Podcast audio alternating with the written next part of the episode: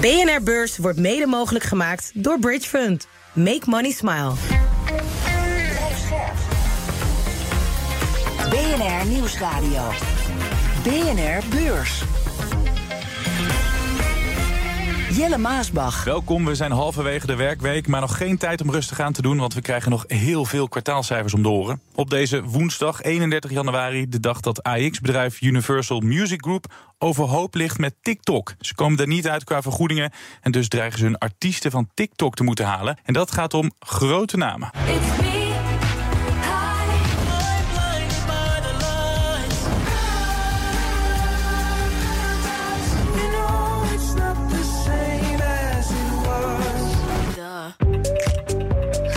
Grote uitslag voor de AX. De AX die sloot 0,3% in de min. 818 punten als slotstand. BC met een verlies van 1,8% de grootste daler. Er zijn heel veel tech-giganten met cijfers waar we het over moeten hebben. En daarom is hier weer Mr. Tech himself, Jordi Beuving van de aandeelhouder. Je hoort zo alles over de kwartaalcijfers van Microsoft en Alphabet. Want ze moeten laten zien wat ze verdienen met kunstmatige intelligentie. It's a big show me the money moment. And we're nearly a year into this AI boom. They have to have some kind of evidence. There's a reason it's a bit harder to quantify because AI is embedded in so many different parts of the business. But there are a few places where we can look to see proof that their AI bets are paying off. Maar eerst al het andere dat opviel. We lopen allemaal wel eens een mooie deal of een goede beloning mis. Maar Elon Musk is wel heel veel misgelopen. De grootste beloning uit de geschiedenis van de beurs. Het gaat om een bonuspakket van 56 miljard dollar. Musk kreeg die aandelenopties in 2018 toegezegd. Maar een kleine aandeelhouder vond de beloning absurd. Stapte naar de rechter. En die rechter in Delaware die gaat erin mee. Musk is. Elon Musk has posted about the decision on his social media site X, saying, Never incorporate your company in the state of Delaware. He added, I recommend incorporating in Nevada or Texas if you prefer shareholders to decide matters. Musk die kan nu fluiten naar zijn centen. Het bedrijf moet naar de tekentafel en wat anders verzinnen. Ik was soms wel blij met 5% eh, loonsverhoging. Dit zijn even andere bedragen, Jordi. Ja, de grote meerderheid stemde wel in. Het is een bizarre beloning, maar toch de meerderheid van zijn aandeelhouders van Tesla die heeft ermee ingestemd. En toch grijpt de rechter in. Ja, dan vraag je je af, uh, moeten andere CEO's ook vrezen? Ja, daar zit precies de crux in dit verhaal. Kijk, in principe, aandeelhouders zijn de baas. Ja, je zegt het zelf ook al, die hebben met een overgrote meerderheid destijds voor dat compensatiepakket uh, goedkeuring gegeven, meer dan 80 procent. En dat was in 2018.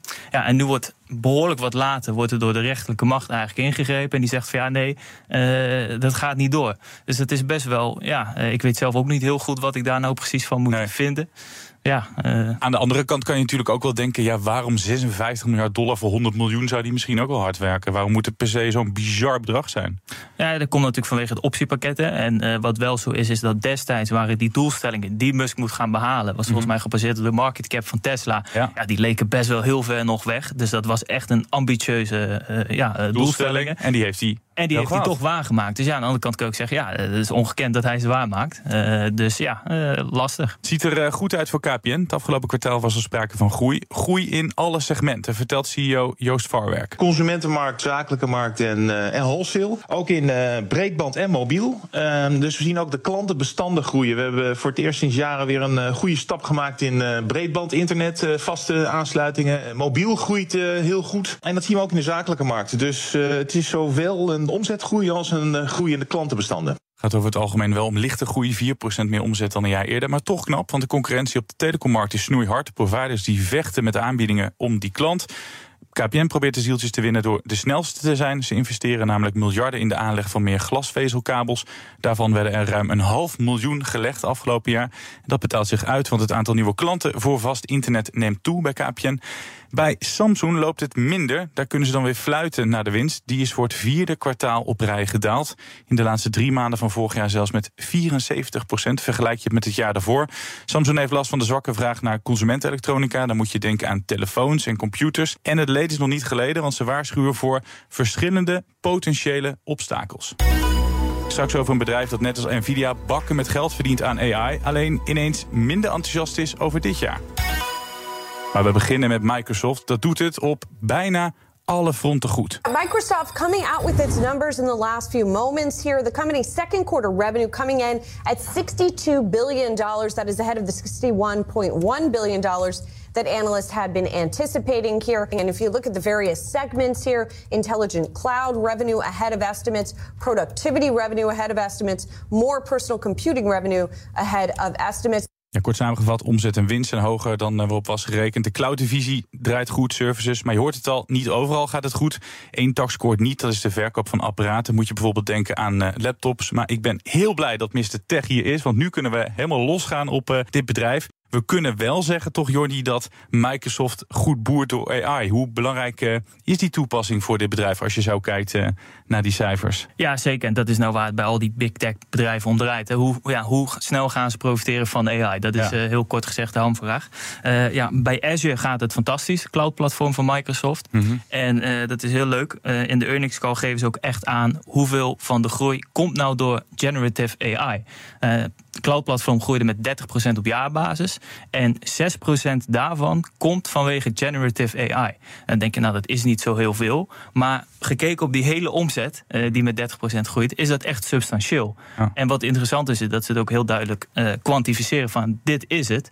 Uh, in tegenstelling tot bijvoorbeeld bij Alphabet, waar nogal wat ja, vaag is hoe, ja, hoe zij daar nou van gaan profiteren. En waarom kijk je specifiek naar dat onderdeel? Is dat waar je ook uiteindelijk het meeste van verwacht op het gebied van AI? Ja, daar zit waarschijnlijk de meeste potentie in voor Microsoft. Dat geven ze ook heel aan over ja, eigenlijk heel het productaanbod van die divisie gaan we AI implementeren in ons productaanbod. Ja. Uh, daar liggen een heleboel kansen. Ze zeggen zelf ook, ja, we sluiten steeds meer grote deals daar.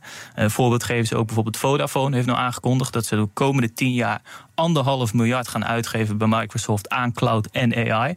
Ja, dat is één bedrijf. Uh, en wel over tien jaar. Maar goed, uh, er zijn er meer natuurlijk klant bij Microsoft. Volgens mij 95% van alle Fortune 500 companies uh, ja. ja. die doen zaken met Microsoft voor de cloud. Dus ja, er zijn nog zoveel kansen hier. Hebben ze jou verrast met deze kwartaalcijfers? Uh, ja, uh, het is een stuk beter dan verwacht. Uh, nou, dan zeg jij natuurlijk, ja, maar hoezo gaat de koers dan omlaag?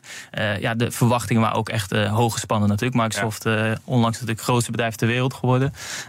de lat ligt hoog, ja. maar goed, de cijfers zijn zeker mooi. Ja, inderdaad, je zegt het, koers naar beneden anderhalf procent op dit moment. Maar goed, de koers is ook natuurlijk wel heel erg opgelopen. Toen braken ze, laatst door die magische grens van 3000 miljard dollar heen. Is AI echt de reden voor die rally? Dus dat ze die, die magische grens hebben geslecht? Uh, ja, voor een groot deel wel. Uh, enerzijds heb je natuurlijk herstel gehad van sowieso de bredere techsector. Uh, die eerst ja, wat gedaald was, met name vanwege de oplopende rente. Nou, dat verhaal is achter de rug.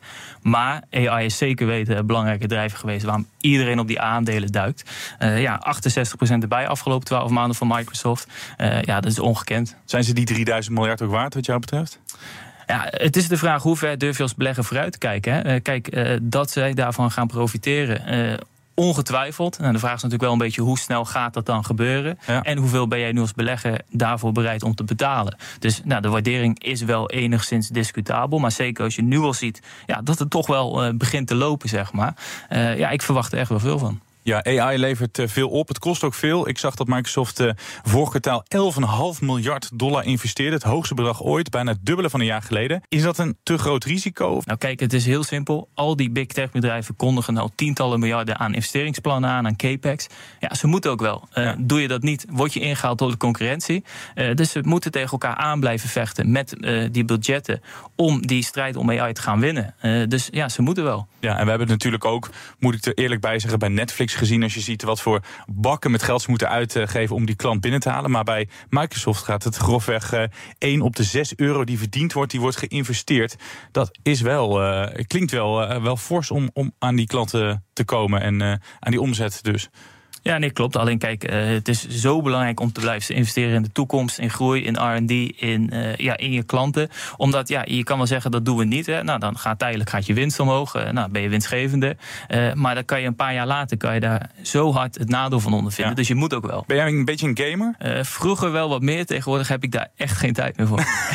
ja, jij moet al die kwartaalcijfers bijhouden. Ik vraag het omdat ze Activision Blizzard hebben gekocht. En ik zag dat ze door die aankoop nu in één keer die gaming tak groter is dan, dan Windows zelf. Wat zegt dat jou? Uh, nou, ik denk sowieso een hele mooie strategische overname van Microsoft. Een van de grootste overnames in de techwereld sowieso uh, ooit.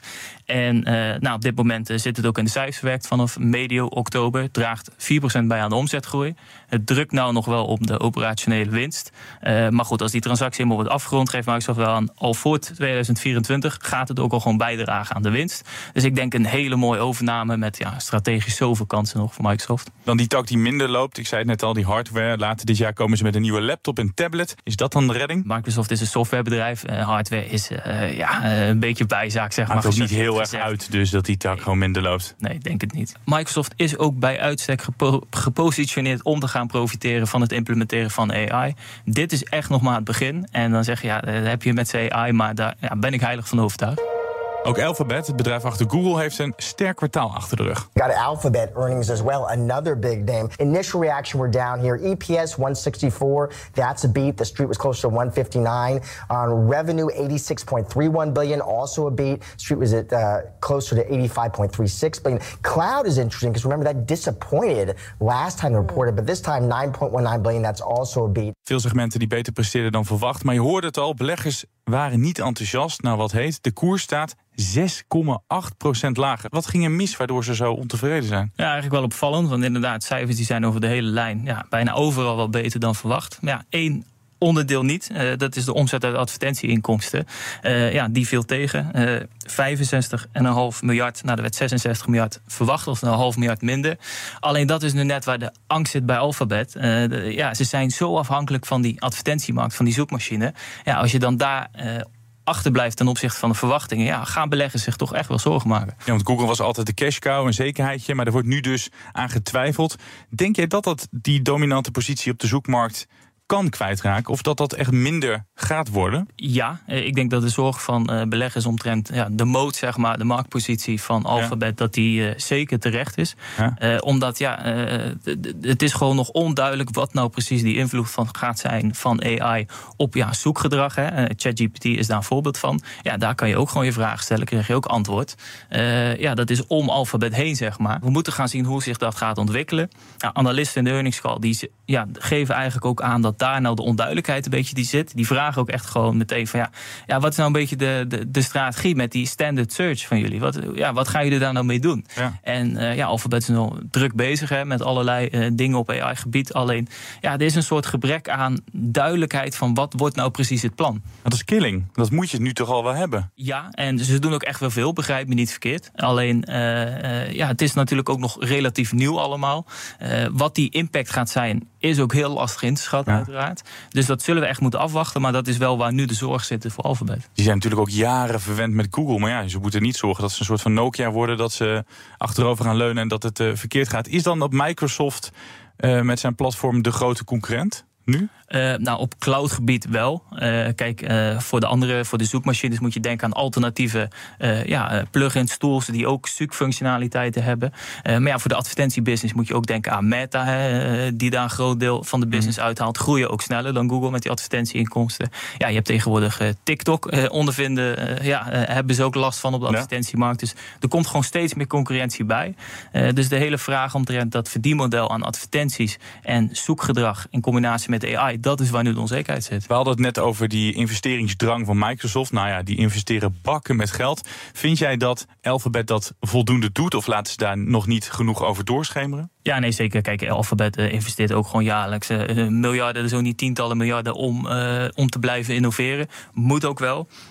ja, het probleem is gewoon te afhankelijk van de advertentiemarkt en van de zoekmachine. zeker in vergelijking met Microsoft. Die zijn toch een stuk gediversificeerder en minder afhankelijk van één zo'n segment. Ja, je kan natuurlijk ook investeren, maar je kan ook letten op de kosten. Vorig jaar werden er 13.000 banen geschrapt. Dat is een hele moeilijk om dit te voorspellen, maar die CEO die liet al een beetje doorschemeren dat er mogelijk nog wat aan zat te komen. Denk je dat ze dat nog een keer uh, ook gaan doen? Dat ze nog een keer mensen gaan ontslaan? Ja, ik sluit het niet uit. Ze zijn daar in de earnings call ook wel heel duidelijk in. Hè, van ze zetten best wel in op ja, meer efficiëntie, op kostenbesparingen en noem maar op. Is natuurlijk wel gewoon een risico. Hè. Ja, zeker als je weet dat ja, eh, misschien uh, de omzet uit advertenties, dat dat en search, dat het allemaal misschien nog wat ja, uh, kan gaan tegenvallen. Mm -hmm. Ik weet niet of het gaat gebeuren. Ja, dan ga je op de kosten letten, ga je op de efficiëntie letten, ga je ja, de business meer lean maken. En daar is Alphabet wel heel druk mee bezig.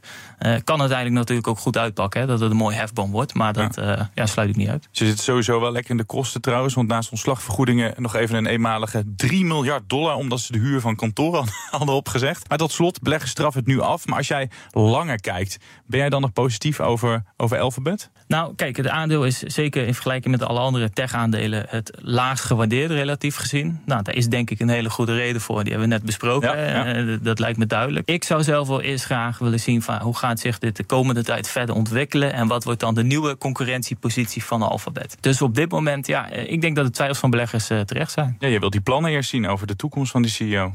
Ja, uh, tenminste iets meer concreet uh, een beeld bij hebben van nou, wat wordt nu de, ja, de nieuwe positie van Google. BNR Beurs. Nou, Wall Street, Dow Jones staat net in de plus 300ste van een procent. De S&P 500 staat 0,9 procent lager. De Nasdaq verliest 1,4 procent. Nog even een kop koffie voor we de laatste helft van BNR Beurs ingaan. Starbucks out with its first quarter results here, reporting misses on the top and bottom lines for Q1. Revenues of 9.4 billion, that's up 8% year on year, but below estimates of 9.59 billion. Koffieverkoper Starbucks stelde teleur de omzetgroei wat minder dan het kwartaal ervoor en ook een stuk minder dan waarop was gerekend. En de winst, je raadt het al, was onder de verwachting van analisten. Er is veel concurrentie en daar blijft het niet bij. Ook is het bedrijf minder enthousiast over het komende jaar. De omzetgroei zal tussen de 7 tot 10 procent zitten, denken ze nu. Eerder ging de directie uit van 10 tot 12 procent. Maar de voorspelling voor de winst die blijft dan weer gelijk. En dat was misschien de reden waar uh, beleggers zich aan vasthielden. Want aanvankelijk stond de koers uh, in de plus, staat nu weer uh, licht lager. En dan naar vliegtuigbouwer Boeing. Het verlies in het vierde kwartaal is enorm teruggebracht. 30 miljoen dollar. Het jaar daarvoor was dat verlies dik 20 keer groter. Ook de omzet is beter dan verwacht. En de vrije kaststroom overtreft de Nou denk je, mooi nieuws allemaal. Maar er komt hij, er is slecht nieuws, want volgens de CEO is dit niet het moment voor financiële doelen. Hij durft geen voorspelling te doen, er komt geen outlook. Allemaal vanwege die problemen met de 737 MAX 9 toestellen. En dan denk ik, Jordi, als een topman in het algemeen geen outlook durft te geven, dan gaat de koers naar beneden. Maar de koers staat uh, 6,3 procent in de plus. Maar snap jij die topman dat hij het niet aandurft? Ja, het is uh, soms wel heel begrijpelijk. En kijk, dan kan je wel iets zeggen en dan denken dan zijn mensen tevreden. Maar als je dan uiteindelijk ja, uh, na afloop toch heel ver ernaast zit, dan schiet je er eigenlijk uh, alsnog niks mee op. Dus mm -hmm. ja, op zich wel begrijpelijk. BNR Beurs. We kregen ook nog cijfers van AMD. De chipmaker die rapporteerde ruim 6 miljard dollar omzet. Bijna precies wat de verwachting was. En zei daarbij dat vooral hun videokaarten beter verkocht werden. Niet gek, want ook hun kaarten worden gebruikt voor het trainen van AI. Net zoals die van hun geduchte concurrent Nvidia. Alleen de verwachting voor dit kwartaal is minder. First quarter revenue, says AMD, is going to be 5.1 to 5.7 billion dollars. Analysts had been looking for 5.77 billion dollars. Ondertussen staat de koers 2,4% in de min. Het ging vorig jaar goed bij AMD. Waarom zou dit uh, eerste kwartaal dan minder gaan dan uh, gedacht? Ja, die outlook uh, valt inderdaad tegen. voor het eerste kwartaal hè, er werd gerekend op 5,7 miljard. Nou, dat wordt nu in de midden van de band dit 5,4 miljard. AMD zit nog in de ramp-up fase, om het zo te zeggen, van hun AI-chip, de MI 300. Ja. ja, dat gaat gewoon niet zo snel als beleggers misschien hadden gehoopt. Uh, iedereen kijkt natuurlijk naar Nvidia, de nummer 1, de marktleider. Dat is zo ontzettend snel gegaan. Ja, de fantasie is een beetje bij, nou dan zal de nummer 2 ook wel zo snel gaan. Ja, zo simpel is het gewoon niet. Verwachtingen waren gewoon veel te hoog gegrepen. Uh, ja, kijk, iedereen kijkt naar dat uh, datacenter segment. En kijk, afgelopen kwartaal uh, 2,3 miljard omzet uit het segment. Mm -hmm. 38% meer dan een jaar eerder. Dus het is ook niet dat het, dat het niet groeit. Alleen ja, beleggers hadden wel gehoopt dat dat zich in ieder geval in het eerste kwartaal al wat duidelijker zal doorzetten. Ja. Er zit ook wel wat seasonality in, zeg maar, dat eerste kwartaal. Maar ja, je ziet wel heel duidelijk in vergelijking met Nvidia dat het niet zo snel gaat. Nee, verwachtingen waren misschien dus wat te hoog gespannen. Maar hoe staan ze er verder voor als je ze vergelijkt met, uh, met andere concurrenten? Nou, op zich, het is op zich uh, best wel ook wat positieve boodschappen. In oktober uh, afgelopen jaar zei AMD, nou, die nieuwe AI-chip moet voor 2 miljard omzet gaan zorgen. Hebben ze nu aangegeven dat wordt 3,5 miljard. Oftewel, nou, dan wordt een anderhalf miljard naar boven bijgesteld. Dat is op zich best positief. En uh, ja, het gaat eigenlijk best goed. Ze winnen marktaandeel van de nummer 3, dat is Intel. En uh, uh, het gaat eigenlijk wel goed. Alleen ja, wat moet je daar verwachten? Hè? Op dit moment, 2023, was het marktaandeel van Nvidia 98 procent.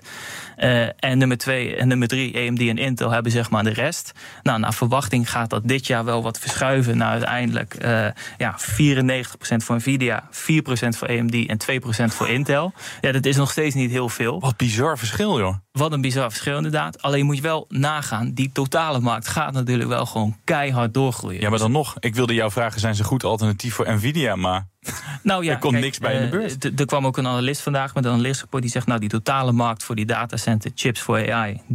2027 moet dat ongeveer 160 miljard worden. Ja. ja, en de kans voor AMD is dan tussen de 5 en 10 procent aan marktaandeel. Uh, nou, in vergelijking met wat dat nu is, is dat ja, nog best wel wat, wat er dan aan zit te komen. Ja. ja. de crux is een beetje van hoeveel marktaandeel weten zij uiteindelijk te winnen. En uh, nou, dat die markt gaat groeien, nou, ongetwijfeld. Daar heb ik geen enkele uh, onzekerheid over.